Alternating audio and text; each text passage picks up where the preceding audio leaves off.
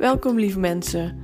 Een paar weken geleden hebben Romy en ik, Romy is van De Positieve Optimist op Instagram, hebben wij een podcast opgenomen. Romy heeft mij geïnterviewd voor haar podcast. En dit was uiteindelijk zo'n leuk gesprek dat ik het ook heel graag wil delen en dat ik daardoor ook ben aangezet om ook zelf podcast op te gaan nemen. En het lijkt me heel erg vet om in de toekomst misschien wel wellicht met Romy vaker in gesprek te gaan. Omdat uh, we gewoon samen zo'n leuke gesprekken hebben. Dus wie weet. In ieder geval heel veel luisterplezier met deze podcast.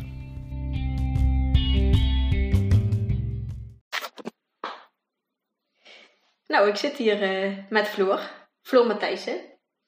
En uh, ik ken Floor van de NLP masteropleiding. Die hebben we samen gevolgd. En nou spreek ik er vooral nog op Instagram zo als ze weer leuke dingetjes post of andersom. en dan af en toe spreken we af. maar Floor, kun je in het kort vertellen wie je bent? En wat jou over het algemeen een beetje bezighoudt zo in je leven? Um, ja, ik zei net al tegen jou dat ik het een beetje een moeilijke vraag vind. Mm. Omdat ik dan meteen ga denken van... Uh, wat willen andere mensen horen en wat verwachten andere mensen? En ja, daar word ik een beetje onzeker van. maar uh, het is ook wel een grootste vraag, hè? Want dan, ja. Ja, ik denk dan ook meteen dat ik hem groots moet beantwoorden, maar het hoeft niet. Ja, ik ben Floor en ik ben um, eigenlijk vooral een heel blij mens. Kan ik beamen. en um, ja, wat me bezighoudt. Um, ik vind het zo saai om over werk te praten. Ik ben, ik ben wel sinds kort als ZZP'er begonnen in de zorg. Wat voor mij best wel een grote stap is. maar de, ik, het is ergens wel een grote stap, maar eigenlijk vind ik het ook heel normaal dat ik die stap heb gezet. Dus dat vind ik dan weer niet zo belangrijk. En wat ik eigenlijk belangrijker vind, is dat ik um, naast al het werk altijd wel bezig ben met mezelf uh, ontwikkelen. Echt op gewoon van al verschillende gebieden. Um, ik ben nu op dit moment denk ik het meest bezig met de Vegan Challenge van januari. Oh ja. Um, ben nou op dag 22. Check. Ja, ja. ja jij ook hè? ja, nee, ik ben 6 januari gestart. Oh ja. Jij ik gewoon op 2. Nou, wel op 2. Oh, ja. Op 1 januari heb ik nog heel veel frikandellen gegeten. maar ja, daar ben ik nu mee bezig. En dat vind ik dan ook al wel een soort van ontwikkeling van mezelf. Omdat ik steeds beter, uh, steeds meer merk dat ik me vooral gewoon heel goed wil voeden. Dat ik mijn lichaam het allerbeste wil geven. En ik hoop dat deze vegan challenge me daarmee, ja, me daar ook kan geven. En waar hou ik me nog meer bezig eigenlijk? Um, ik wil me gewoon heel graag heel fijn voelen en het meest dicht bij mezelf. Dus dat is eigenlijk iets wat ik altijd probeer na te streven. En waarin ik soms, als het dus niet, niet lukt, gewoon wel weer heel hard met mijn neus op de feiten word gedrukt dat ik in oude patronen verval. En, en dan moet ik even huilen en dan kan ik mezelf wel weer herpakken. En weet ik dat ik lief moet zijn voor mezelf. Mag zijn. En dat. Is het een logisch verhaal nog? Voor mij wel. en ik zie hier ook uh, zo'n mooie. Uh, je hebt een nieuwe hobby: waksen. Hoe noem je dat? Waksen. Ja, waskoolkrijtjes. Ja. ja, tekenen met waskoolkrijtjes. Ja, ja, ik merkte vooral dat ik. Um, ik, ben, ik schrijf best wel veel in, in zo'n boekje ochtends. Maar wat ik dan ook merk is dat ik dan heel snel in mijn hoofd ga zitten. En dan ga ik. Um, ja. Um, als ik dan na ga denken over dingen waar ik tegenaan loop, dan kan ik daar ook wel weer heel groot maken door het op te schrijven. Hm. Dus dacht ik van, uh, ik vind het eigenlijk super leuk om creatief bezig te zijn. En ik dacht, als ik daar nou uh, gewoon meer ga kleuren of iets in die trant, dan doe ik iets met mijn handen en dan ga ik uit mijn hoofd en dan niet zoveel nadenken over de dingen waar ik tegenaan loop, maar dan voel ik mijn lijf gewoon beter. En ik was eerst begonnen met eh, van die simpele. Nee, eigenlijk was ik eerst begonnen met kleurpotloden. Alleen de vind ik te klein of zo. Ik ben wel een beetje dan van de grote, grove bewegingen. Mhm. Dus daarom had ik die Wasco krijtjes gekocht. Omdat je dan gewoon lekker een beetje zo rauw eh, Ja, over papier heen kan. ja, dus iets minder fijn. Iets, eh, Ja. ja, en dan is er ook snel iets op papier of zo. Ja. Ik wil, vind het wel fijn om snel resultaat te hebben. ja, ja. dus daar ben ik nou sinds kort mee begonnen. En eh, sporten doe je volgens mij ook graag. Ik ben wel, even denken, ik ben in juni ben ik gestopt met hockeyen. Ik ben super lang gehockeyd. 20, nee, 13 jaar heb ik in de dames 1 gespeeld. Waarbij ik echt eh, twee keer in de week trainen en één keer wedstrijd. En daaromheen nog allemaal teambuilding en super serieuze dingen. Dus daar ben ik van de zomer mee gestopt. En ik, ik moet gewoon echt iets van sporten, want anders word ik op een gegeven moment onrustig. En ik wil dan gewoon bewegen. Wil ik gewoon iets gaan doen. En ik ben sinds kort begonnen met crossfit. Dat vind ik wel... Ja, ik wil dan ook gewoon meteen kunnen. Dus dat is wel weer een uitdaging dat ik dan rustig kan blijven eh, daarin. En ehm, dat ik mezelf de tijd gun om iets te leren. En dat ik vooral ehm, eh, hoe zeg je dat? Het plezier van het bewegen daarin kan vinden. Heb ik trouwens nu ook weer met hockey, want ik ben toch stiekem wel weer een beetje begonnen met hockey. Alleen dan in een lager team. Ja, En dan moet ik echt dus tegen mezelf zeggen, voordat ik een wedstrijd of een training begin, van ik ga nu op het veld alleen maar plezier maken. Dat is waar het om gaat. Het gaat niet om de prestatie. Maar dan moet ik echt, die intentie moet ik van tevoren wel echt zetten, want anders dan wil ik gewoon echt, volle gas. ja, dan ga ik echt tot het gaatje. Ja. En, maar wat ik vooral vervelend vind, is dat ik dan van anderen ook verwacht dat ze tot het gaatje gaan. ja. En dat vind ik, zeker in zo'n team, vind ik, dat kan, dat kan ik gewoon niet echt maken. Want daar is het team niet naar. Ik herken dat trouwens wel heel erg, wat Ja? je net zei van dat je iets heel graag al wil kunnen, zeg maar, als je iets nieuws begint of zo. Dat heb ik ook echt heel erg. Dan word ik altijd gelijk boos als ik iets niet meteen snap of begrijp of zo. Is waar, we hadden, van tevoren hadden we al even een gesprek. Ja, En dat is dus denk ik ook een reden waarom ik stop met bepaalde dingen of niet doorga. Omdat ik het dan nog niet kan. ja, En dan frustreert me dat of dan ben ik bang dat het me niet gaat lukken. ja. En dan, dan laat ik het hangen, dan kap ik ermee. Maar ik heb het ook heel erg. Vooral dan heb ik bijvoorbeeld, ehm, dan wil ik een leuk filmpje maken van een vakantie waar we zijn geweest. En dan ga ik dat helemaal editen met muziek eronder en grappige stukjes ertussen en zo. En dan wil ik dat graag, maar dan heb ik dus zo'n eh, zo'n programma gevonden waarmee ik dat kan. En dan snap ik het hele programma niet en alles is Engels. En dan ben ik zo gefrustreerd dat ik het, weet je wel, dan wil ik echt zo die laptop dichtgooien van, laat maar, weet je wel. Gewoon omdat ik het niet kan. Maar op, ja, ik, op een of andere manier komt er dan toch een soort van punt dat ik denk van, maar ik wil het wel heel graag, Ja. dus ik ga het toch doen.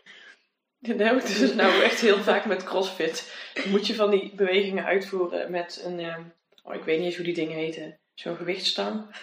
ja. met gewichten eraan. En dat moet dan wel op een bepaalde manier, omdat die techniek goed moet zijn. Anders krijg je last van, van spieren of zo. ja, En ja, ik vind het zo moeilijk om dat onder de knie te krijgen. En dan komt die, die eh, trainer zeg maar heel zo naar mij toe van ja, je moet iets meer zo doen en zo. En dan raak ik daar zo gefrustreerd van. Dan denk ik, ik zit niet zo op mijn vingers te kijken.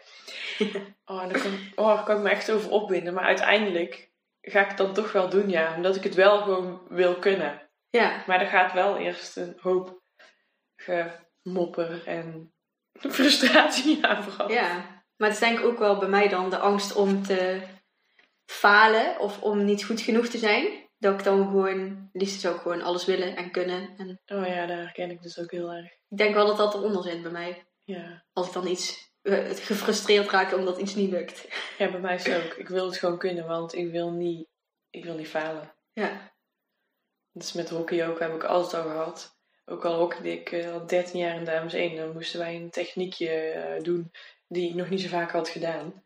ja, was ik een van de oudste van het team met de meeste ervaring. Maar dan nog kon ik me daar zo aan irriteren als het dan niet lukte. Dan zei ik altijd, laat maar, ik oefen wel alleen. en dan zat ik al twintig jaar op hockey of zo, van langer. Ja. Ik heb er ook wel als mensen mij uh, kritiek geven of, of, feedback, dat ik dan toch uh, van nature, nou kan ik dat wel beter relativeren, dat ik gewoon, weet je wel, van uh, je zegt iets over mijn gedrag en het is niet wie ik ben. Dus ik ben niet, weet je wel, ik ben goed genoeg, maar het is iets wat ik doe, wat ik misschien kan veranderen of aanpassen. Of, maar um, van nature dat ik ook heel snel denk van, als ik dan al hoor van, mag ik je even iets vertellen? Of um, mag ik je even kritiek geven? Dan schiet ik al gelijk in, in zo'n klein kind die denkt, heb ik iets verkeerd gedaan? oh, dat vind ik zo herkenbaar. ja. ja. ja. Ja, dat kan ik dus ook echt super erg hebben. Ja. En dan hou, probeer ik me van buiten wel groot te houden. Omdat dan denk oké, dit is gewoon feedback. Ik, daar kan ik iets van leren. Het gaat om wat ik, inderdaad wat ik doe. En dus niet hoe ik ben. Ik word niet persoonlijk afgewezen. Nee. Maar dan toch moet ik daar dan de riedeltje tien keer in mijn hoofd herhalen voordat het dan oké is. En dat ik die feedback gewoon zie als, als iemand die mij gewoon wil helpen. Wil helpen. En, ja. ja. Ja, wat had ik laatst ook nog op mijn werk dat een collega zei: uh, Floor, um, dan weet je al mag ik even. Ja, ja. Dan weet je al mag je een tip komen. geven? Uh, en toen dacht ik al: ja, ja. van buiten laat ik dan zien, ja, tuurlijk mag dat. Alleen ja, ik sta altijd denk, open voor feedback. Van binnen dacht ik echt: oh nee, nee, ik doe het niet goed, ik ben niet goed genoeg. Ja. Gelukkig kan ik daar nu wel weer op terugkijken van dat zij ook mij alleen maar wilde helpen en dat het niet om mij persoonlijk gaat. Ja, vroeger kon ik dan ook wel eens een beetje boos worden op die personen die dan uh, feedback gaven van, ja, wat denkt hij nou wel? Alsof hij zelf alles goed kan. Maar dat is gewoon puur uit afwijzing dat ik dan denk van, dan voel ik me misschien iets beter als ik, als ik dan maar die persoon even een beetje onbelangrijker maak ja. of zo. Of ja, weet ik niet wat dat dan voor strategie is, maar... Ik probeer daar tegenwoordig weet, steeds minder te doen en meer afstand te nemen. Of zo van. Um, hoe kan ik het uitleggen? Dat ik dan veel meer kan zien van, oh, dat is ook het gedrag van die persoon. En die wil ook mij alleen maar helpen. Dan probeer ik daar als het ware op uit te zoomen en van een afstandje te zien. Ja. En dat helpt mij dan super erg om iets me of niet aan te trekken of maar zo te zien van, oh, dat is ook maar een mens en die heeft ook gevoelens. En misschien reageert hij om wat voor reden dan ook wel gefrustreerd, omdat hij misschien, weet ik veel. Omdat hij ook ergens in geraakt wordt. Of, ja, of die heeft zijn dag niet, want eh, er is thuis iets vervelends gebeurd. Of, uh, ja. En dat weet je natuurlijk ook niet. Ja, dat vind ik wel een mooie, dat is echt zo van afstandje. Want dat is wat ik denk ik onbewust vaak ook doe. Maar dan, dan kom je dus eigenlijk los van je emoties en je patronen. En dan ga je gewoon neutraal kijken van, oké, dit gebeurt er. Ja. Wat speelt hier in deze situatie? Aha, oké. Okay. Hm, dat doet dan dit met mij. En, ja. Maar hoe, hoe gebeurt dat? Waarom doet dat dit met mij? En, ah, zo reageert de ander op mij. Ja. Ik vind ook heel mooi van... Ehm, je bent niet je gedachten, maar je hebt ja. gedachten. Je bent niet je emoties, maar je hebt emoties. En dat besef is dan gewoon heel fijn om... Als je erin zit, dan kom je er even niet meer uit. En dan ga je echt even identificeren met alles wat er is. Maar als je gewoon even van een afstandje kijkt, dan kun je weer even relativeren van... Oh nee, wacht. Ik voel me nu verdrietig, maar dat, weet je wel, kun je gewoon even een beetje relativeren of zo. Dat is toch ook een stuk, um, hoe heet dat? Non-dualiteit? Nee, non-dualisme? Ja, dan moet je me uitleggen wat het is. Ja, dus eigenlijk geloof ik wat jij net gewoon zei. Van, je hebt gedachten, maar je bent niet je gedachten. Ja, gewoon loskoppelen. Gewoon alles loskoppelen van En eigenlijk zegt non-dualiteit zelfs nog van er zijn geen gedachten. Van, eh, ja, oh, daar zou ik eigenlijk ook nog meer in willen verdiepen. Daar weet ik zelf nog niet zo heel veel van, maar um, ik geloof dat het zo zit dat non-dualiteit zelfs zegt van er zijn geen gedachten. En je bent niet je gedachte. Uh, er is, dit is, sommige stromingen zelfs, die zeggen zeg maar zelfs dat het een soort van verzinselwereld is. Er is geen wereld. en als dat er dus allemaal niet is, ja, waar maak je dan in godsnaam druk over? Ja. Dat vind ik soms wel echt heel helpend.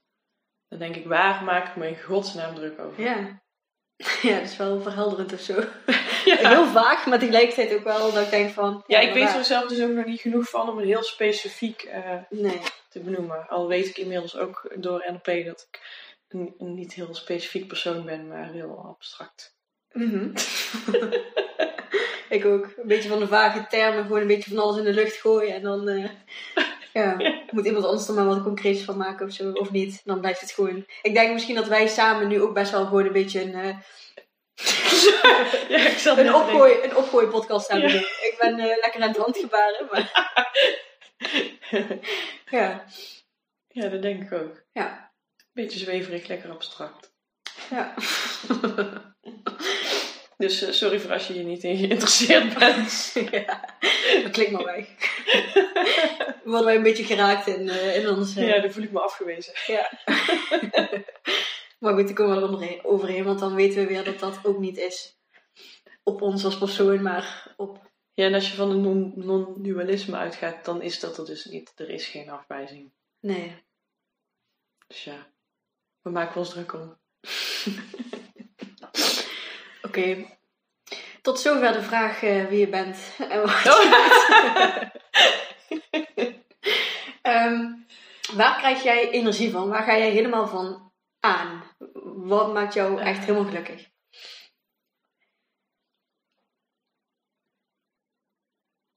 Ik ben dus heel lang aan het denken nu. Ehm, wat maakt me echt helemaal gelukkig? Vooral als ik kan doen wat ik wil op mijn moment eigenlijk vooral. En dat maakt eigenlijk niet zoveel uit wat dat is. Als ik nu voel, ik wil heel graag boodschappen doen en ik voel me daar intens gelukkig bij.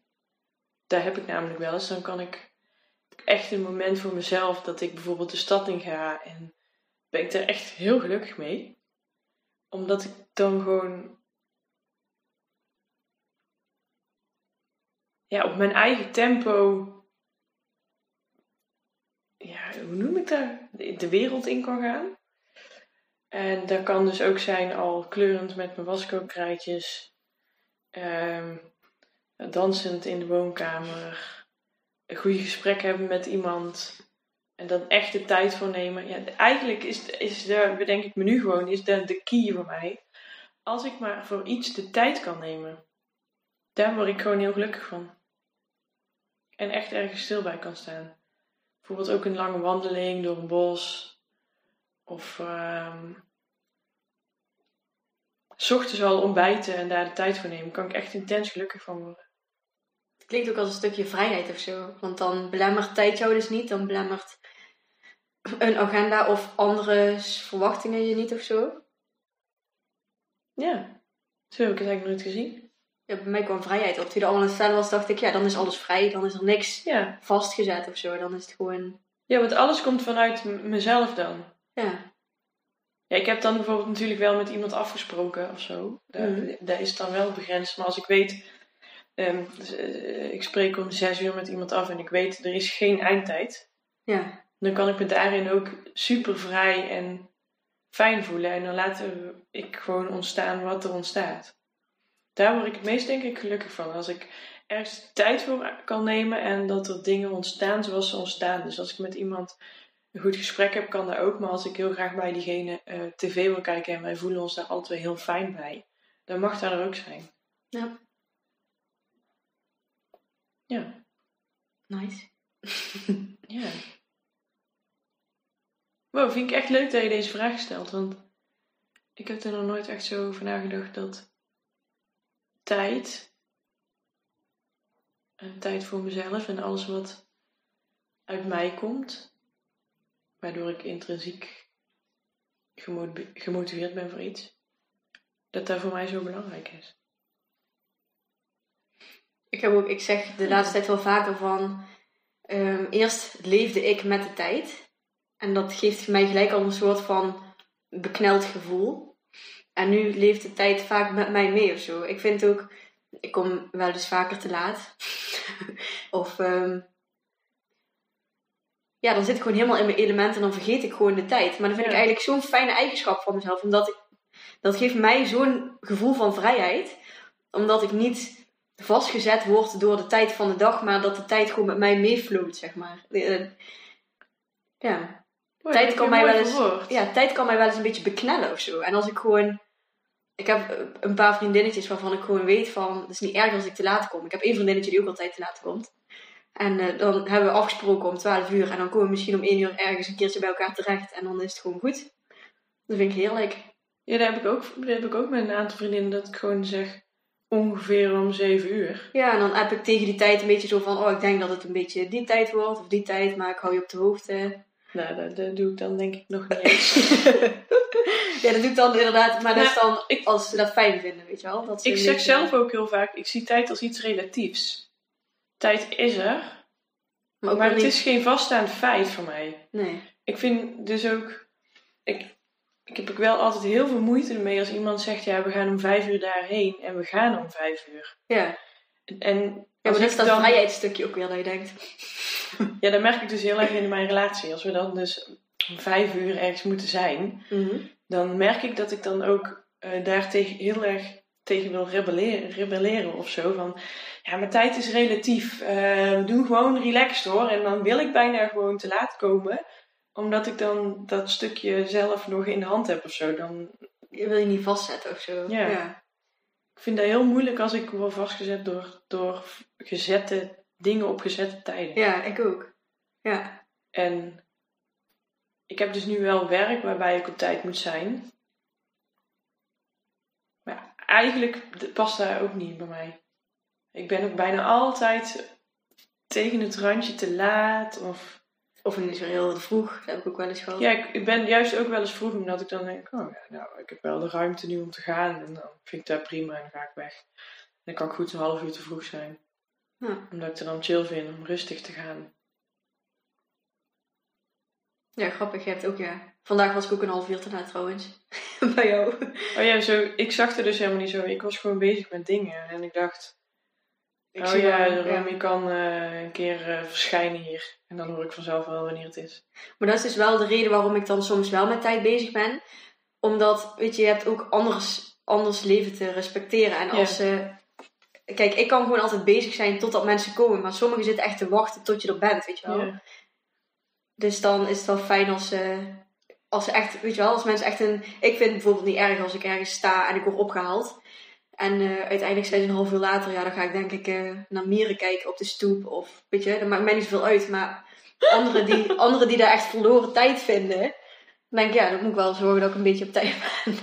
ja, dit is dus heel onaardig, maar ik hou daar eigenlijk geen rekening mee. Vloer. nee, ja, dat is dus Ja, waarom ik dan dus- soms wel Dan of een appje stuur van het wordt denk ik zoiets. Dat doe ik dan voor de ander. Dat ik denk, dan weten ze een beetje waar ze van op aan kunnen. Ja, ik, ik doe dat du- dan dus niet omdat ik dan Ja, dus ook weer een beetje vastzetten. ook wel zoiets heb van ja, dat is hun probleem. Maar dat is ergens ook wel heel erg Oeh, nee. Ja, voor mij mag je hoor. ehm, vanuit mezelf gedacht. Ja. Nou, en als, als je mensen in je omgeving hebt die daar gewoon oké mee zijn, dan is het toch niet erg. Nee, ik denk wel dat als ik nieuwe mensen ontmoet of zo, dan tast ik daar wel een beetje af. Van kan deze persoon daar handelen, ja of nee? Weet je wat ik dan trouwens wel heb? Als ik dan met de trein of zo moet, ben ik super op tijd. Omdat dat ding dus gewoon voor mijn neus wegrijdt. Ja. En dan ben ik dus heel op tijd, want ik heb een hekel aan haasten. En dan Ja. wil ik liever een kwartier op het perron om me heen staan te koekeloeren. Dan dat ik één minuut voordat de trein gaat op het station kom en echt als een gek de trein in moet rennen. Maar dat is dus bij mij, dat is het grote dilemma. Want ik ben dus niet van de tijd. Dus dan ga ik gewoon nog dingetjes doen. Dan denk ik, dan had ik, als ik werkte bijvoorbeeld, dan stond ik eerder op. Zo van, oh, dan heb ik iets meer tijd voor mezelf. Vind ik fijner, hoef ik niet te haasten. Maar dan sta ik dus eerder op en dan ga ik ineens weer andere dingen doen. En dan wil ik het afmaken, want dat vind ik dan leuk wat ik op dat moment aan het doen ben. En dan ineens, shit, is het weer te laat. En dan ben ik weer aan het haasten. Dus dat is, Ja, daar heb ik dus wel als ik met de auto ga, maar niet als ik met de trein ga. ja. Of ga jij nooit met de trein? Nee. Kan dat, dat kan niet bij jou. nee, we hebben wel een station nou. Maar waar ik vroeger woonde, inderdaad, eh, was de trein niet echt een optie. Maar eh, ja, nee, ik, ik reis niet zo met de trein. Misschien zou dat wel een goede voor me zijn, want dan heb ik toch een beetje Ja, want die trein die gaat gewoon op een gegeven moment. En als je die dan dus niet haalt, dan ben je dus echt vet te laat. Ja.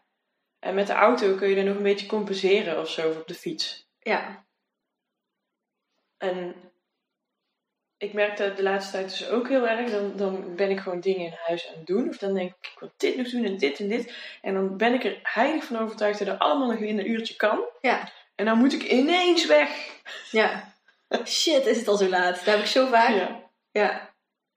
Ja. Laatst had ik met uh, oud-collega's afgesproken om één uur. Uiteindelijk zei ik van, nou, dat gaat krap worden, doe maar twee uur. Uiteindelijk was ik er drie uur. maar gewoon, dan denk ik, dan heb ik een beetje voor mezelf gepland van, oh ja, ik wil boodschap doen, ik wil dit doen en ik wil dat doen. En dan um, doe ik dat wel gewoon op mijn eigen manier, op mijn eigen tijd. En dan ben ik helemaal niet met de tijd bezig en dan is het gewoon ineens laat. Maar ja, vind ik ook wel fijn. Ja, dat is ja, zeker fijn. Ik ben de laatste tijd nog één ding over tijd. dat ik dan ook denk, ja, ik ben nou, even, ik ben nou te laat, maar ik ga me hier ook dan niet druk over maken. Het komt wel zoals het komt. En dan kom ik maar vijf minuten later, maar dan kom ik wel relaxed. Ja. Ergens, dan dat ik misschien tien minuten eerder ben en helemaal aan het stressen ben om de tijd. Kunnen ze me beter iets te laat hebben en gewoon relaxed en chill. Mm Dan kom ik ergens ook veel fijner binnen. Dan heb ik zelf ook niet zoveel de tijd nodig om uh, te landen, zeg maar. Ja, dat klopt. Om te aarden. Ja. Voor sommige mensen die het misschien niet begrijpen. ja, gewoon even, ja. Ja. Want na gehaast moet je inderdaad weer even tot jezelf komen Ja. en in een nieuwe situatie komen. En als je wel al bij jezelf bent, en dan hoef je alleen nog maar even de situatie Ja, te... precies. Dat bedoelde ik. Ja. Misschien ben ik dan nog net iets, eh, iets meer ehm, specifiek als globaal. Oh, dat denk ik zeker. maar ik ben echt wel, denk ik, extreem globaal. Ik, ik kan heel goed blijven hangen in vaagtermen en niet, eh, hoe zeg je dat? Concreet taalgebruik. Ja. Echt zo'n eh wollige zweefteef. ja. Ja. Maar ja, die hebben we ook nodig. Globale mensen en specifieke mensen. ja. Ik ga naar de volgende vraag wel. Wat is je guilty pleasure? Beyoncé met Love on Top. Oh ja, die had je laatst ook... laatst heb ik er even zien, zien losgegaan op Beyoncé. Ja. Ja, ik vind eigenlijk... eh, ik die, ergens past die muziek helemaal niet bij mij, maar ik, ik vind het mijn guilty pleasure omdat dus die muziek niet bij mij past eigenlijk. Maar ik vind het gewoon zo vet hoe zij als artiest is en dat zij steeds in een lied een octaaf hoger, hoger gaat en dat haar, gewoon haar muzikale bereik gewoon zo groot is. Mhm. Ja, dat vind ik gewoon vet. En dat vind ik dan heel leuk om daar dan heel vals mee te zingen. en daarop te dansen. En eh, ja, ik denk dat dat wel echt mijn meeste guilty pleasure is. Dat ik hier ehm, door het huis in dans. Beetje zo. Ja, dat zien ze die, maar... Ik was aan het bewegen, ja, oké. Leuk. denk ik. Ik ben aan het kijken of ik een, of ik een nog meer guilty pleasure heb. Maar... Nee. Wat ik ook altijd wel grappig van jou vond, tijdens de NLP-opleiding, is dat jij vaak de enigste en de eerste persoon was die dan bijvoorbeeld gewoon lekker je schoenen uittrekt en gewoon lekker in je sokken ergens gaat zitten. Vond ik ook gewoon zo typisch Floor, dat ik dacht van, oh ja, jij doet dat gewoon. Anderen zouden honderd keer nadenken over, ik weet trouwens niet of het echt een guilty pleasure is, maar in ieder geval, eh ja, gewoon, Ja, nee, voor mij staat geen guilty pleasure, maar best wel iets wat dicht bij mezelf staat. ja, Maar ik had natuurlijk wel al eerder gemerkt dat gewoon die, die ehm, setting daar bij NLP dat dat er gewoon een komt. hele veilige setting is. Ja, En dat dat daar gewoon wel gewoon kan. Want ik ga niet overal mijn schoenen uitdoen. Maar ehm, als ik me ergens op mijn gemak voel, ja, dan doe ik daar wel gewoon snel, denk ik. Zoiets als mijn schoenen uit. Of, Ja, ja, daar kom ik echt van. Daar, ja, daar heb ik echt naar opgekeken naar jou. Dat je gewoon. Ik wil best wel. Ja, in van wat gaan anderen hiervan vinden of zo. En jij deed altijd gewoon. Dan ging je gewoon. Weet ik niet, dan hadden we even een kwartiertje pauze. En dan kwam ik terug de zaal in en dan lag Floor daar ineens zo op de rug, voluit zo op die grond. ja, gewoon even lekker eh stretchen of eh, ik weet niet wat je Ja. aan het doen was. Ah, ik heb dan op zo'n dag ook echt nodig, omdat we dan met zoveel mensen waren de hele dag en zoveel informatie en zoveel persoonlijke verhalen. En ik weet niet, dat brengt dan toch een best wel zware energie met zich mee. En op een of andere manier neem ik daar heel erg over of dan ben ik een soort van spons die daar absorbeert. En dan heb ik het echt gewoon letterlijk nodig om dicht bij de grond te zijn. Om dus op de grond te gaan liggen of op de grond te zitten en mijn schoenen uit te doen, zodat ik mijn voeten echt op de grond voel. Ja, Want anders dan kan ik niet ontladen en dan krijg ik op een gegeven moment ook gewoon knal onder de koppijn. Omdat ik nog niet zo goed weet hoe ik al die, ehm, of misschien toen wist, ik weet niet hoe het nu zit, maar die energie van andere mensen buiten mezelf kan houden. Ja. Dus het voelt dan ook alsof er geen andere keuze is als op de grond gaan liggen of mijn schoenen uit doen, of op de grond te gaan zitten. Of Ja. me soms echt heel erg te distancieren van een groep, terwijl dat op dat moment, ja, ik wil zeggen gek is, maar ja, ik vind dat dan niet gek, of misschien dat mensen dat niet verwachten. Ja, ik vond het juist gewoon leuk. En ik keek er echt naar op dat ik dacht van, oh jij doet dat gewoon. Maar had je dan ook wel eens momenten dat je dat zelf had willen doen dan? Ehm, misschien wel. Ja, het, dat is super praktisch te denken. Ik heb wat koude voeten, dus dan denk ik, nou, beter dat ik mijn schoenen aanhoud. Maar eh, nee, ik kon wel echt... ehm, ik denk dat heel veel mensen mij al zouden omschrijven als iemand die gewoon doet waar ze zin in heeft. En weet je wel, boeien wat anderen vinden. Maar jij was wel echt next level toen, zeg maar. dat ik echt dacht van, oh, dit zou ik ook willen gewoon. Ja. Nou, ik zie jou eigenlijk ook als iemand die dat zo zou kunnen doen. Ja, maar dan moet ik me wel veilig voelen. Oh ja, ja.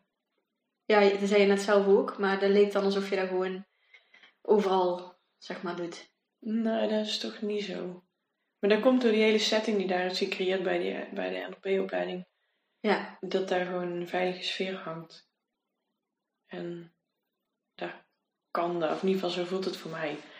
Maar ik ga ook echt niet ehm, ja, op iedere plek mijn schoenen uitdoen. nee, oké.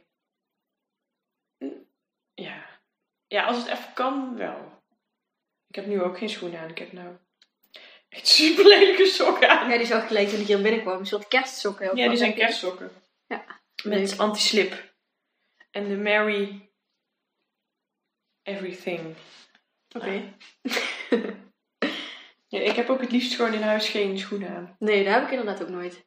Dat weten mijn klanten ook gewoon. Dat als ze bij mij thuis komen, heb ik altijd of dik sokken aan of sloffen. Gewoon chill. En dat zorgt ook wel een beetje meteen voor, zo'n, eh, voor een laagdrempelige sfeer. Ja. Ja, ik heb ook gewoon soms, eh, dan gaan ze bij mij ook gewoon de schoenen uitdoen en even de benen op de bank gooien. Of eh, dat vind ik juist ook fijn als mensen dat doen, want dan weet ik gewoon van, ah, ja, dat mag ook gewoon hier. Ja. Ja. Wat doe je om dicht bij jezelf te blijven? Ja, dat heb ik net denk ik al wel verteld. Wat ik net ook al zei, ehm, als ik dus met veel mensen ben geweest, dan moet ik echt opnieuw aarden. En daarmee bedoel ik dan echt gewoon dat ik echt met mijn voeten de grond voel. Of dat ik, dat doe ik dus ook vaak, dat ik echt op de grond ga zitten, niet op een stoel, maar op de grond. En dan blijf ik dichter bij mezelf. En voor de rest, wat me dus ook heel erg helpt, is dit, net zoals de kleuren eh, en eh, dansen. Maar ook als ik bijvoorbeeld buiten ben in de natuur. Dat ik dan een heuveltje zie en dat ik dan eh, voel, ik wil rennen. En ga ik rennen. Ik wil, wat voor mij dan dicht bij mezelf zijn, is dat ik een soort van impuls voel om iets te doen. En dat ik dat meteen ga doen. Ja, gewoon zonder rem, zonder soms- daarover na te denken van... Ja, maar dat is, wel, dat is wel fijn om te hebben. Soms is het wel echt dom, want ik was gisteren was ik bij iemand.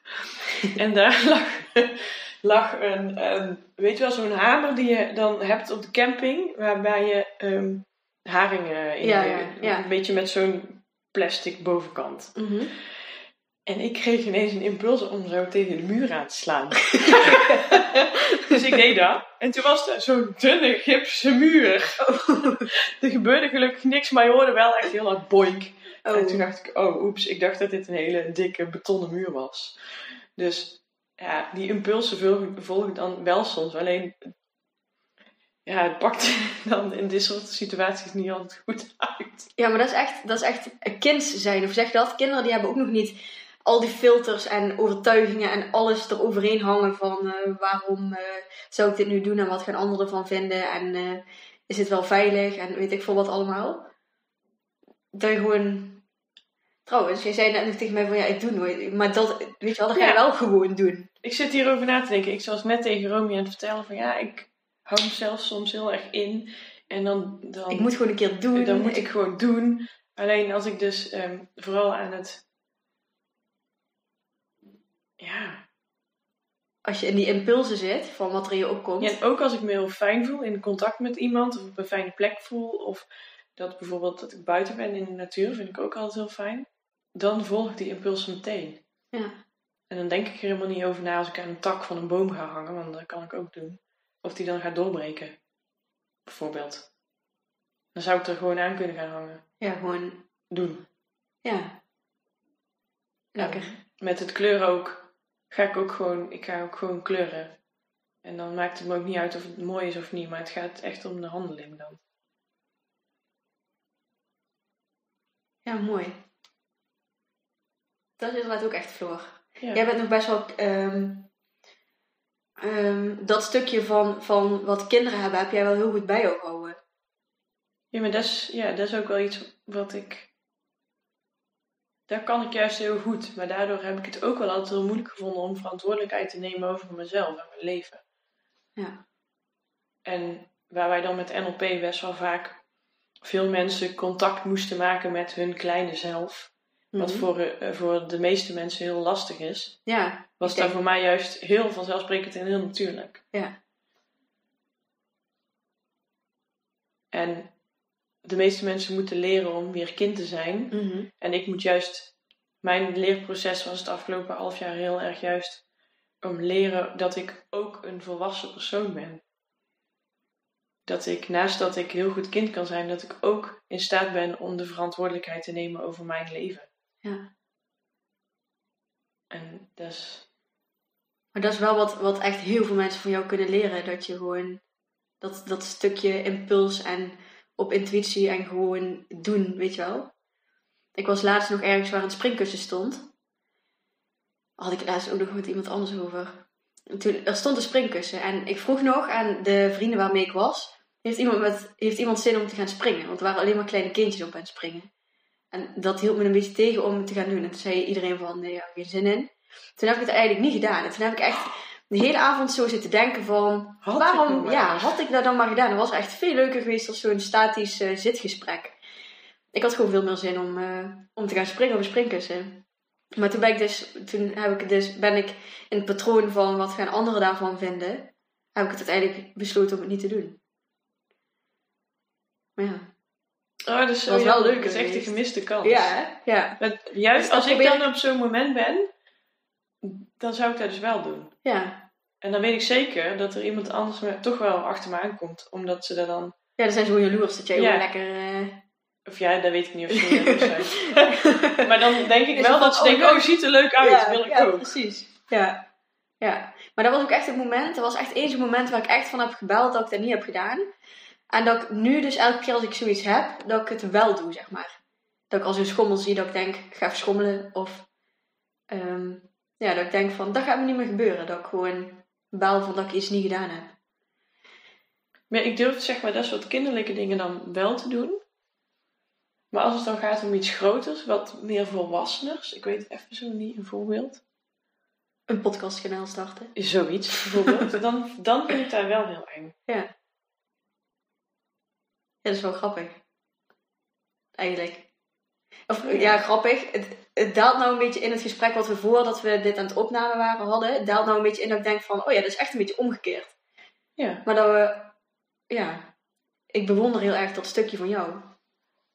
Dat ik gewoon lekker, En ik bewonder juist heel erg het stuk van jou dat jij gewoon je baan hebt opgezegd. En eh, hebt bedacht, of bedacht, gevoeld van ik, er is geen andere weg voor mij als dat ik voor mezelf ga beginnen als coach. dat bewonder ik juist echt super, super erg. dat je daar gewoon bent gaan doen. Als wij een soort van mengelmoes waren, dan was het echt gewoon euforisch, gewoon goed. ja. Ja. En hoe weet jij dat je echt jezelf bent? Hoe merk je dat aan jezelf? Mm. Dat voel ik.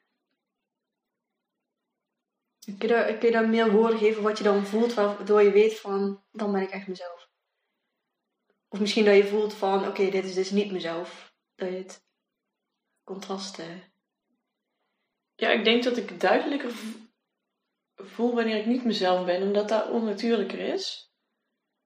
En dan krijg ik gewoon. ehm, dan merk ik dat ik bijvoorbeeld. Ook eerder last krijg van mijn lichaam. Jij ook van je buik. Mijn buikje dat gewoon me.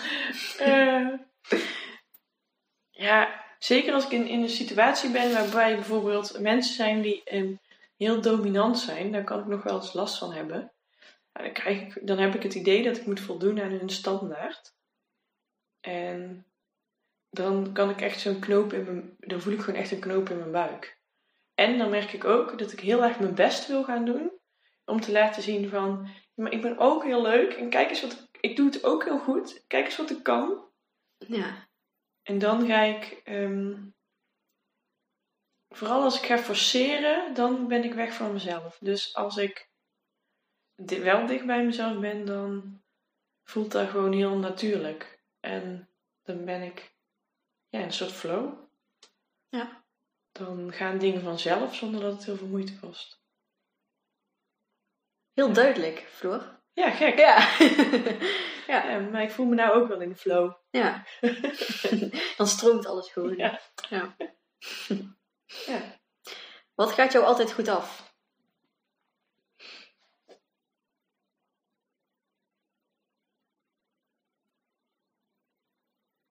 Mezelf zijn? Ja, fijn. Ik denk dat heel veel mensen daar moeite mee hebben. Het, eh, voor mij is het iets heel vanzelfsprekends. Want wie kan ik anders zijn dan mezelf? Ja, dat is ook wel zo. Ja. Maar ik denk toch wel ook echt dat dat jouw kracht is. Ja, Ik kreeg ook net toevallig nog een appje van een vriendin van mij die vroeg aan mij hoe ze ehm, zeg maar op sociale uitnodigingen, dus als voor een feestje of een iets, of een, dat mensen haar vragen om ergens naartoe te gaan, hoe ze dan ehm, nee kon zeggen op een geaccepteerde manier. En toen dacht ik, ja, ik zou dus gewoon heel eerlijk zeggen waar het op staat. Van hé, hey, ik dank je wel voor je uitnodiging, maar ehm, ik heb er echt behoefte aan om even alleen te zijn en op de bank te liggen. Dat zou ik denk ik gewoon precies zo aangeven. En Ja. daar ben ik gewoon puur mezelf in. En daar vind ik meer, daar, ja, meer kan het niet zijn. Ik zou daar ook nooit Of nooit, nooit weet ik niet. Niet zo snel een ander verhaal van maken van. Ja, ik kan niet, want mijn zus ligt eh, met een gebroken been op bed en die moet ik gaan verzorgen of zo. Zo'n kletsverhaal. en er zijn denk ik wel mensen die dat doen omdat dat makkelijker is. Ik denk toch dat heel veel mensen de vraag nou aan jou zouden stellen van... eh, hoe doe jij jezelf zijn, zeg maar dan? Hoe kan dat dat jij dat gewoon doet? Wat is je strategie om het even NLP... eh, Omdat ik zo goed ben in dingen concreet maken. Ehm, ik, ik heb echt geen flauw idee waar mijn strategie voor is. De- de- ik denk dat iedereen kan daar gewoon. Als je echt luistert naar waar je van. Ja, is het naar dan je lichaam. Mijn lichaam geeft gewoon heel. Dat is bij iedereen. Als ik gewoon. eh, in- als je in een setting bent waar je niet fijn vindt, krijg ik dan. Ik krijg een soort van knoop in mijn buik. Of ik krijg ergens hoofdpijn van. En je voelt ook gewoon als iemand niet eerlijk is, dan voel je gewoon zo dat het wringt. Dat iemand ja zegt, maar nee bedoelt. Als je de. Ja, ik, daar voel ik gewoon aan. Ja, ik denk dat je sowieso heel veel contact hebt met, met gevoel, met dat, met dat buikgevoel. Ja. En dat is denk ik ook, want als ik dan voor mezelf kijk van wanneer ben ik niet mezelf, ja, dan zit ik te veel in mijn hoofd en zit ik te veel in gedachten. oh, En in trouwens dan ook wel hoor. verwachtingen of ehm, wat politiek correct is of goed of fout. Of, dan zit ik meer daar. En als ik mezelf ben, dan zou ik meer omschrijven van dan zit ik wel meer in mijn gevoel.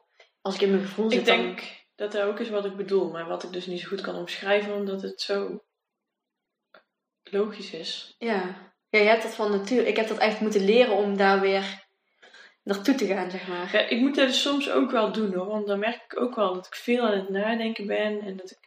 Situaties aan het overanalyseren ben. Maar dan ga je dus kleuren, bos, al die dingen die je net noemde van... Yoga, Ja, maar ook wel gewoon sporten. Even een rondje hardlopen kan wel helpen. Ja, wat ik ook wel echt doe is echt proberen om heel bewust tijd voor mezelf te in te plannen. Ja. Dingen doen die ik wil. Daarom eh, sta ik ook wel, waar we het net over hadden, voor dit gesprek.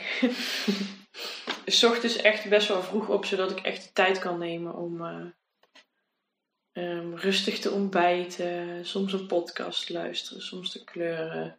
Soms gewoon echt alleen maar te zitten met mijn ontbijt.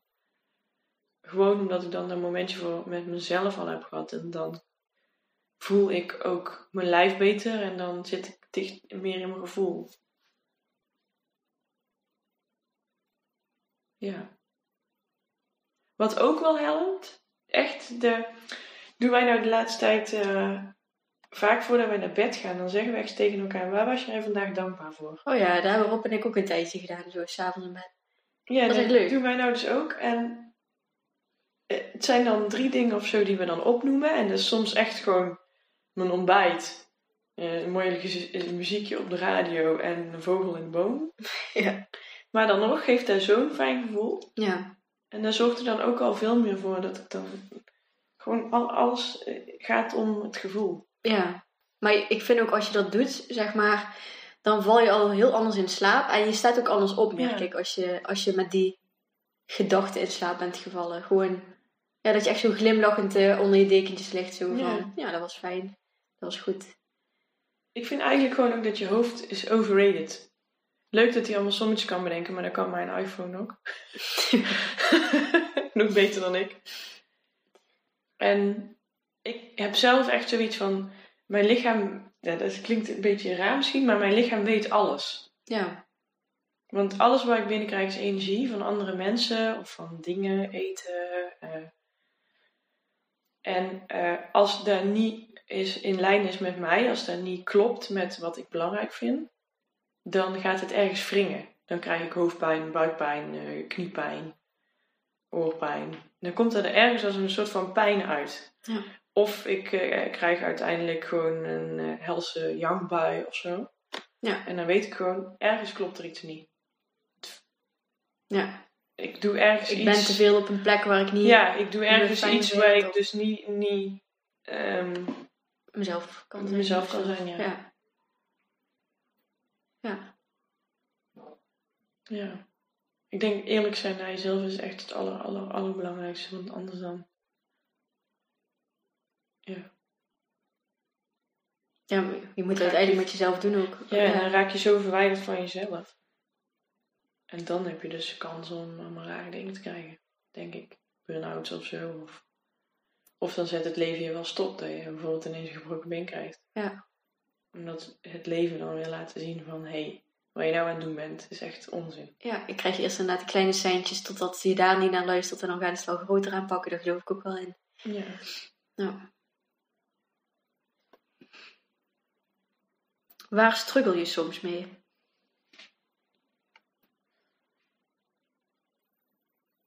met ehm, het vormgeven van mijn leven.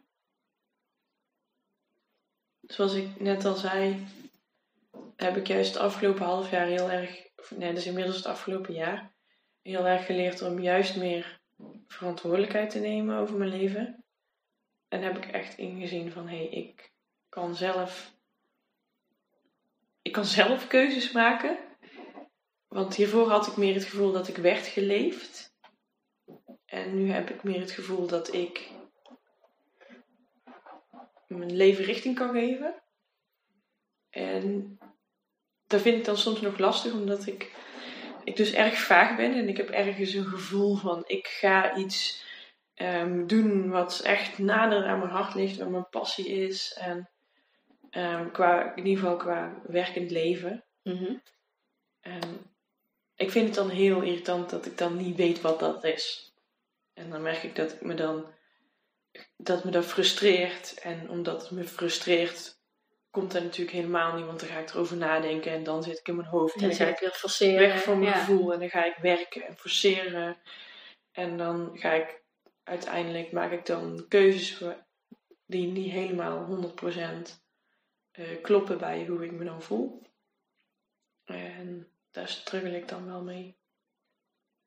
En ook struggle ik wel met de verwachtingen van anderen, denk ik. Toch wel. Toch wel. Ja. In ieder geval op, ja, volwassen gebied.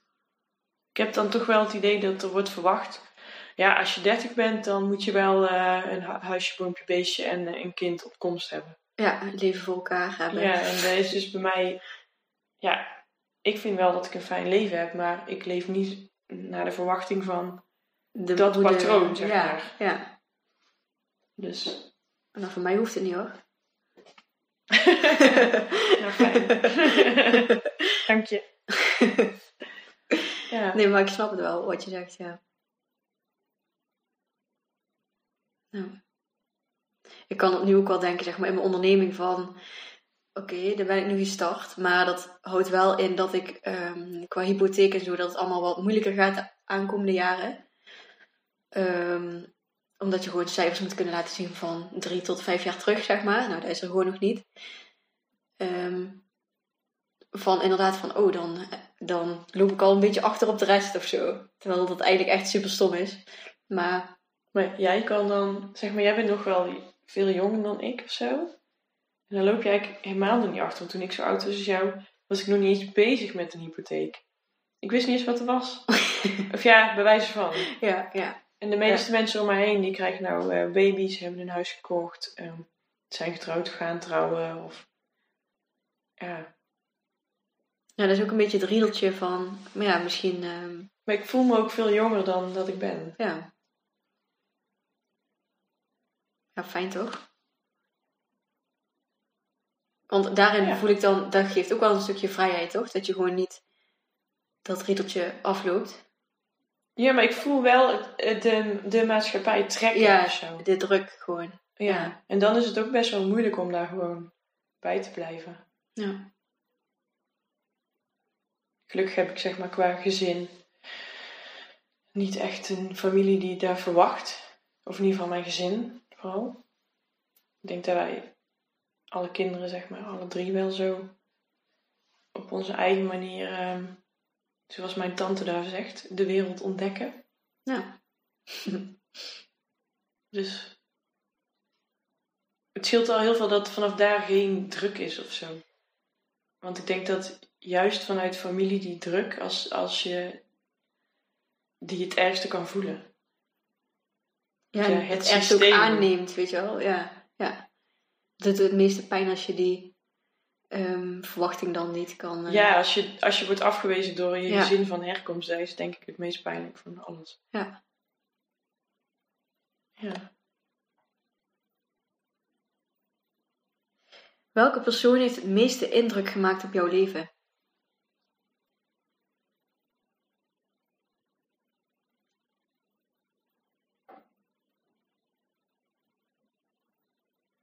Ik kijk nou heel verbaasd.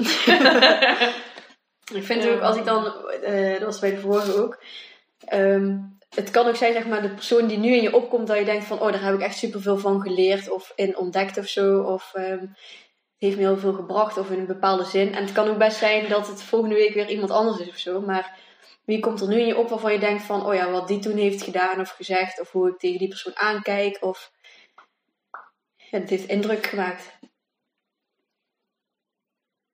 Poeh.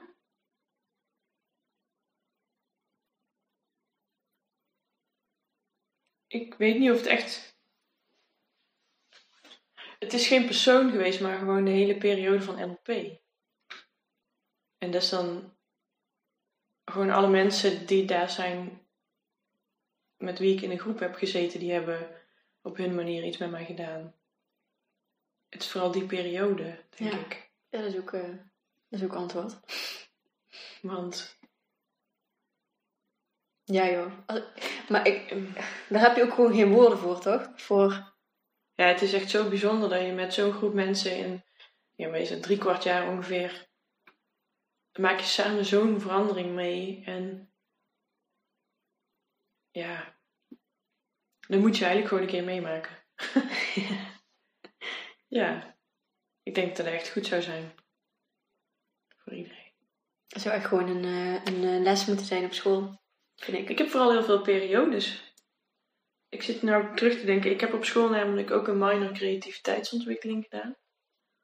En die minor heeft ook heel veel met mij gedaan, omdat wij toen soortgelijk als groep, als klas, een soortgelijke ontwikkeling hebben doorgemaakt als met NLP. En om met een groep mensen een ontwikkeling door te maken, is gewoon heel bijzonder, omdat je dan een soort van. Er was een soort van veilige haven gecreëerd waarin alles kan en alles mag. En ja, als je dan volledig jezelf kan zijn en je kan ontwikkelingen doormaken als persoon, je komt achter nieuwe dingen en andere, je ziet dat andere mensen ook open zijn en zich verder ontwikkelen. De, het is bijna een magisch gevoel of zo. Ja. Een groepsproces is daarin dan echt veel sterker. Als je die NLP-opleiding individueel zou hebben gedaan, dan Ja, zou een ik hele nooit andere lading. Ja. dit eh, proces hebben doorlopen. Dat Nee. kan gewoon niet alleen. Nee, nee. Dus het is, zijn denk ik altijd groepen geweest. Maar ook de, wat mij dan ook vooral raakt, is de kwetsbaarheid van anderen. Gewoon opstellen, gewoon... Dat, an- dat mensen dingen, dat iedereen in de groep dingen deelt over zichzelf die zo moeilijk zijn. Ja. Maar dat je ze daar dan ook weer in ziet groeien. Dat ze Ja, dankbaar zijn bijvoorbeeld voor wat ze hebben meegemaakt en kunnen zeggen eh, van oh ja, dit is gebeurd en ik ben er wel dankbaar voor en het doet me nou niet meer zo pijn, maar ik neem het mee als iets, een mooie verandering in mijn leven. Weet ik een les of... Ja, ja, ja. dan ja. Ja. dat is echt gewoon heel bijzonder. ja. Ja. Ik vind sowieso de magie van een groep gewoon. ja? Dat vind ik Vind zelf het hockey. Ja. Ik mis nou echt een groep mensen om me heen. Die, waarmee je samen als het ware boven... In een groep kun je echt boven jezelf uitstijgen, omdat je met een groep bent. Ja. En dat is... eh, bijzonder. Ja, en tegelijkertijd voor heel veel mensen denk ik ook weer heel spannend. Als ik dan bijvoorbeeld kijk naar zo'n... ehm, ik ik bied individuele programma's aan en groepsprogramma's. Dat zo'n groepsprogramma's is echt wel voor veel mensen een drempel.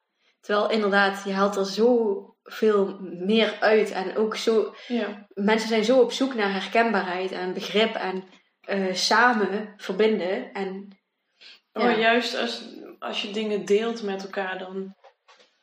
Oh, je ziet in ander zoveel herkenning. ja, Ik vond het met NLP ook altijd zo bijzonder dat als iemand anders een, een voorbeeld gaf van een probleem waar die tegenaan liep, ja. dat ik daar zelf altijd iets uit kan halen. Ook al had ik helemaal niet. zeg in die situatie in heb ik die geen situatie, kinderen. Of had ik ja, daar helemaal nooit meegemaakt. ja. Maar er is altijd dan een les die je daarin meeneemt, waardoor je dan zelf ook een beetje meegooit. En energie samenbrengen, dat doet ook gewoon al zoveel. Ja. Ja. Mhm. Daar word ik echt blij van. ja, ik ook. Ja. En welke levensles heeft je het meeste gebracht?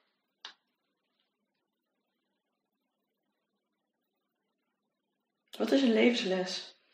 Ja, misschien iets, ehm, een bepaalde quote of een bepaald iets wat je hebt ontdekt van ehm, wat je eerst anders zag en nu zo ziet. Ja, eigenlijk wat ik net al heb verteld. Ehm er kwam eigenlijk ehm, bij NLP hebben wij een oefening moeten doen. Waarmee we als het ware contact moesten maken met ons eh, in onszelf ons kleine kind. Mhm. En een soort van. Toekomstversie. Ja, daar was, daar was een, een, een deel van de ehm, Huna. Oh, die. Hoe heet ja? dat? Huna. Ja. Ja, ik weet niet hoe dat verder heet. De, de Hawaïsche, Hawaii. wijs, Hawaiiaanse wijsheid. Ja. Een deel. En daar was een soort van alleswetens persoon of zo. Daar moest je ook contact mee maken. En ik leerde daar heel erg van: oké, ik ben supergoed om dus contact te maken met mijn spelende kind. Mhm. Dat kan ik heel goed. Maar ik heb ook een heel wijs persoon in mezelf. En die mag ik ook gaan zien. En sinds ik daar echt ben gaan zien, van hé, hey, ik ben ook eh, gewoon een wijs iemand die hier iets te bieden heeft, ben ik dus veel meer de verantwoordelijkheid gaan nemen dus over mijn eigen leven. Dat ik, ik besef nu veel meer dat ik invloed heb op hoe mijn leven eruit ziet. En ik wil me ook niet meer laten leiden door ehm, factoren van buitenaf. Want ik heb daar zelf invloed op. ehm, hoe ik wil werken, waar ik wil wonen, wat ik wil verdienen. Ik denk dat ik daar gewoon allemaal in staat ben om daar zelf in te richten. Ja. En daar heb ik nu dus ingezien en daar vind ik. Ik, ik voel mezelf nou meer in balans, omdat ik niet alleen maar dat spelende kind ben, Ja, ja, maar ook was- een soort van wijze vrouw. ja, het besef van dat dat er ook was. Of Ja, zo. van ik, heb, ik ben ook een wijze vrouw. Ik ben niet alleen maar voor anderen dat leuke meisje waar de schoenen uittrekt. maar ik ben ook die, dat leuke meisje die de schoenen uittrekt, die iets zinnigs te zeggen heeft. Ja, En dat sinds ik besef. dat ik. heb Ja. besloten, merk ik dat ik gewoon, ik, ik ben gewoon veel meer in balans en nog dichter dus bij mezelf. En wat daarin ook heel veel scheelt, is dat ik denk ik soms nog wel het spelende kind als het ware wilde laten overheersen. Dat ik dan echt heel schreeuwend en aanwezig kon zijn en heel veel aandacht kon trekken. En heel, door juist ook druk te doen en ehm, mezelf ook een beetje aan te stellen. Dus ook het spelende kind uitvergroten. Mhm. Heb ik nu geleerd van ik kan ergens ook in rust aanwezig zijn. En dan ben ik er ook. Ja. En dan blijf ik dus veel meer bij mezelf en bij mijn eigen energie. Dan gooi ik niet alles naar buiten, maar dan hou ik ook meer binnen. Ja. En dat geeft me ook ja, dus veel meer balans. Mooi. Vind ik echt eh, mooi dat je dat zo deelt. En eigenlijk ook zo heel mooi. Dit heb je echt super mooi omschreven, Floor. Ja, Tik hem aan. Toch misschien wel eh, specifieker als dat je, dat je denkt te zijn. Misschien Ja. was dit wel ehm, het oude wijze deel wat nu aan het eh, woord was. ja sowieso. Want het kleine kind was alleen maar, denk ik, eh, ga rondrennen of dansen.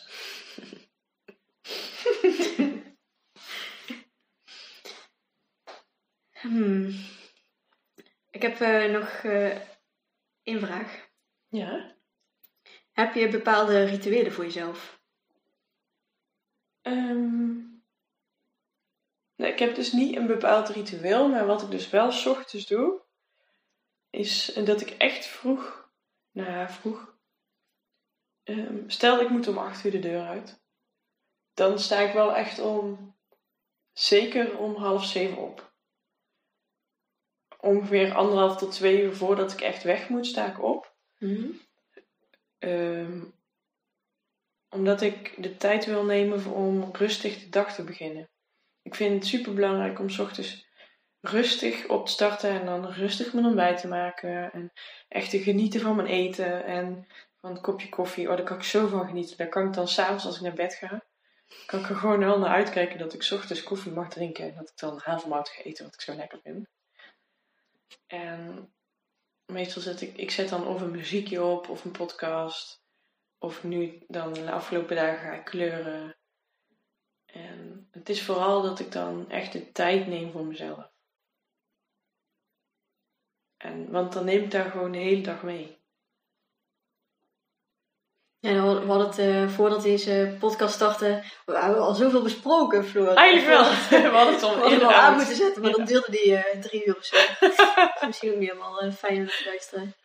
Ehm, maar wat ik zo mooi vind aan, zeg maar, opstaan en niet gelijk of in ieder geval opstaan en een momentje voor jezelf pakken, is dat je opstaat voor jezelf en niet Ja. opstaat voor, ehm, voor je werk, voor de ander, voor dat je, maar dat je gewoon opstaat en dat het eerste, de reden waarom je opstaat, is voor jezelf en niet voor iets wat moet, wat, ja, En dat vind ik dus ook zo heerlijk eraan, dat ik dan echt tijd heb voor mezelf. ja, Dat is van mij, dat momentje. ja, En ik merk gewoon dat ik die paar uur mis, kan ik daar gewoon de hele dag een beetje van slag van zijn. ja, dan sta je al zo gehaast op en dan Ja. begin je de dag al zo gestrest, gehaast, Ja. ja, Maar het maakt me dus bijna niet uit wat ik in, dan, in die paar uur doe. ja, Want ik kan dan ook heel goed bijvoorbeeld rustig de afwas gaan lopen doen.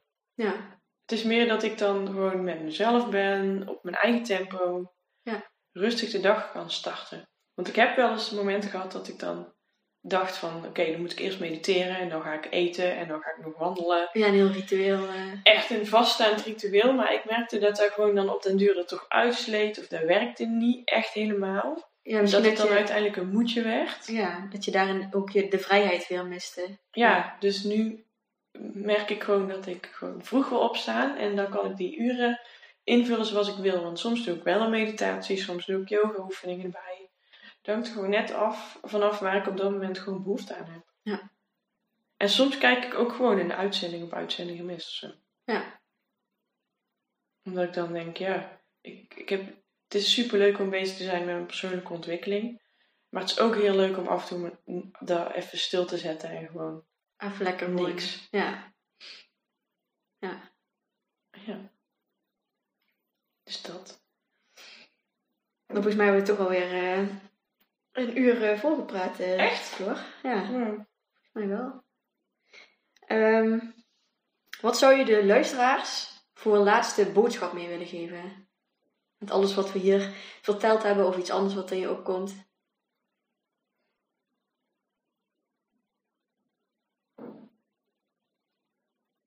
Dat. Ik krijg veel verschillende dingen zo in mijn hoofd. Iedereen eigenlijk al goed is zoals hij is. En doe, als je een klein impuls voelt, van hé, hey, ik zie een klimrek en ik ga, ze wil er eigenlijk aan gaan hangen, doe daar gewoon. En kijk eens wat het brengt. Ja. Of ren de ene paadje door, of ga huppelen als dat zo voelt. Of, ja. Of niet de, de, de randjes van de stoepen tegels raken. weet je oh, dat doe ik zo vaak. Ja, dat doe ik ook vaak. Maar wel een mooie boodschap, wat ook echt bij jou hoort en bij jou Ja. past. Ja. Maar op een of andere manier, als ik bij jou ben, wordt dat ook altijd zo vergroot weer. Dan, ik denk dat ik dat bij jou ook heel goed ehm, kan laten zijn, dat blije mens. ja, Ja, fijn. dus. ik vind het heel fijn als je gewoon een blij mens kan zijn bij mij. Dus. ja. Ja. Dat vind ik ook fijn dat dat kan. En dat je die ruimte geeft.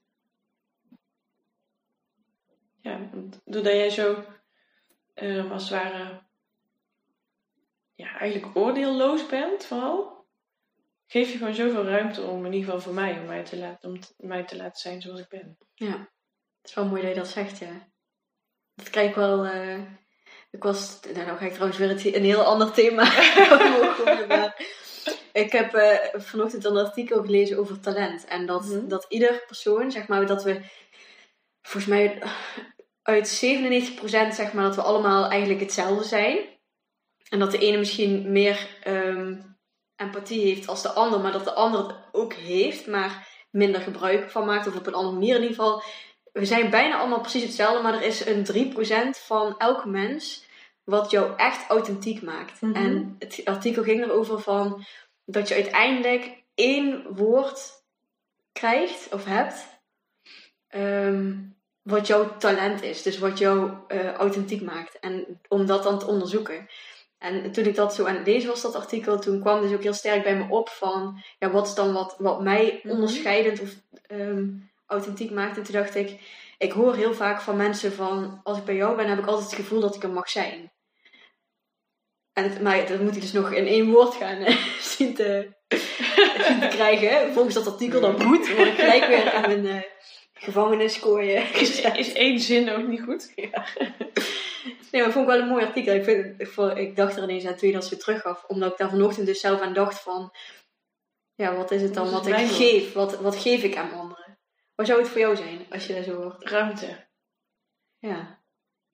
Je doet ook, dat ziet niemand, maar je doet ook zo met je armen zo. Ja, Hier, heb je het. ja. Dat vind ik wel een soort woord, ruimte. Ja, ruimte of een soort van speelveld of iets. Opens en vrij en warm en...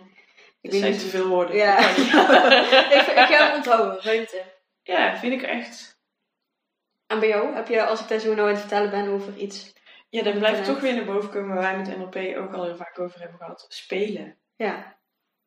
Ja, dat vind ik ook echt bij jou passen. Ik heb het laatst nog opgeschreven in mijn boekje en in mijn.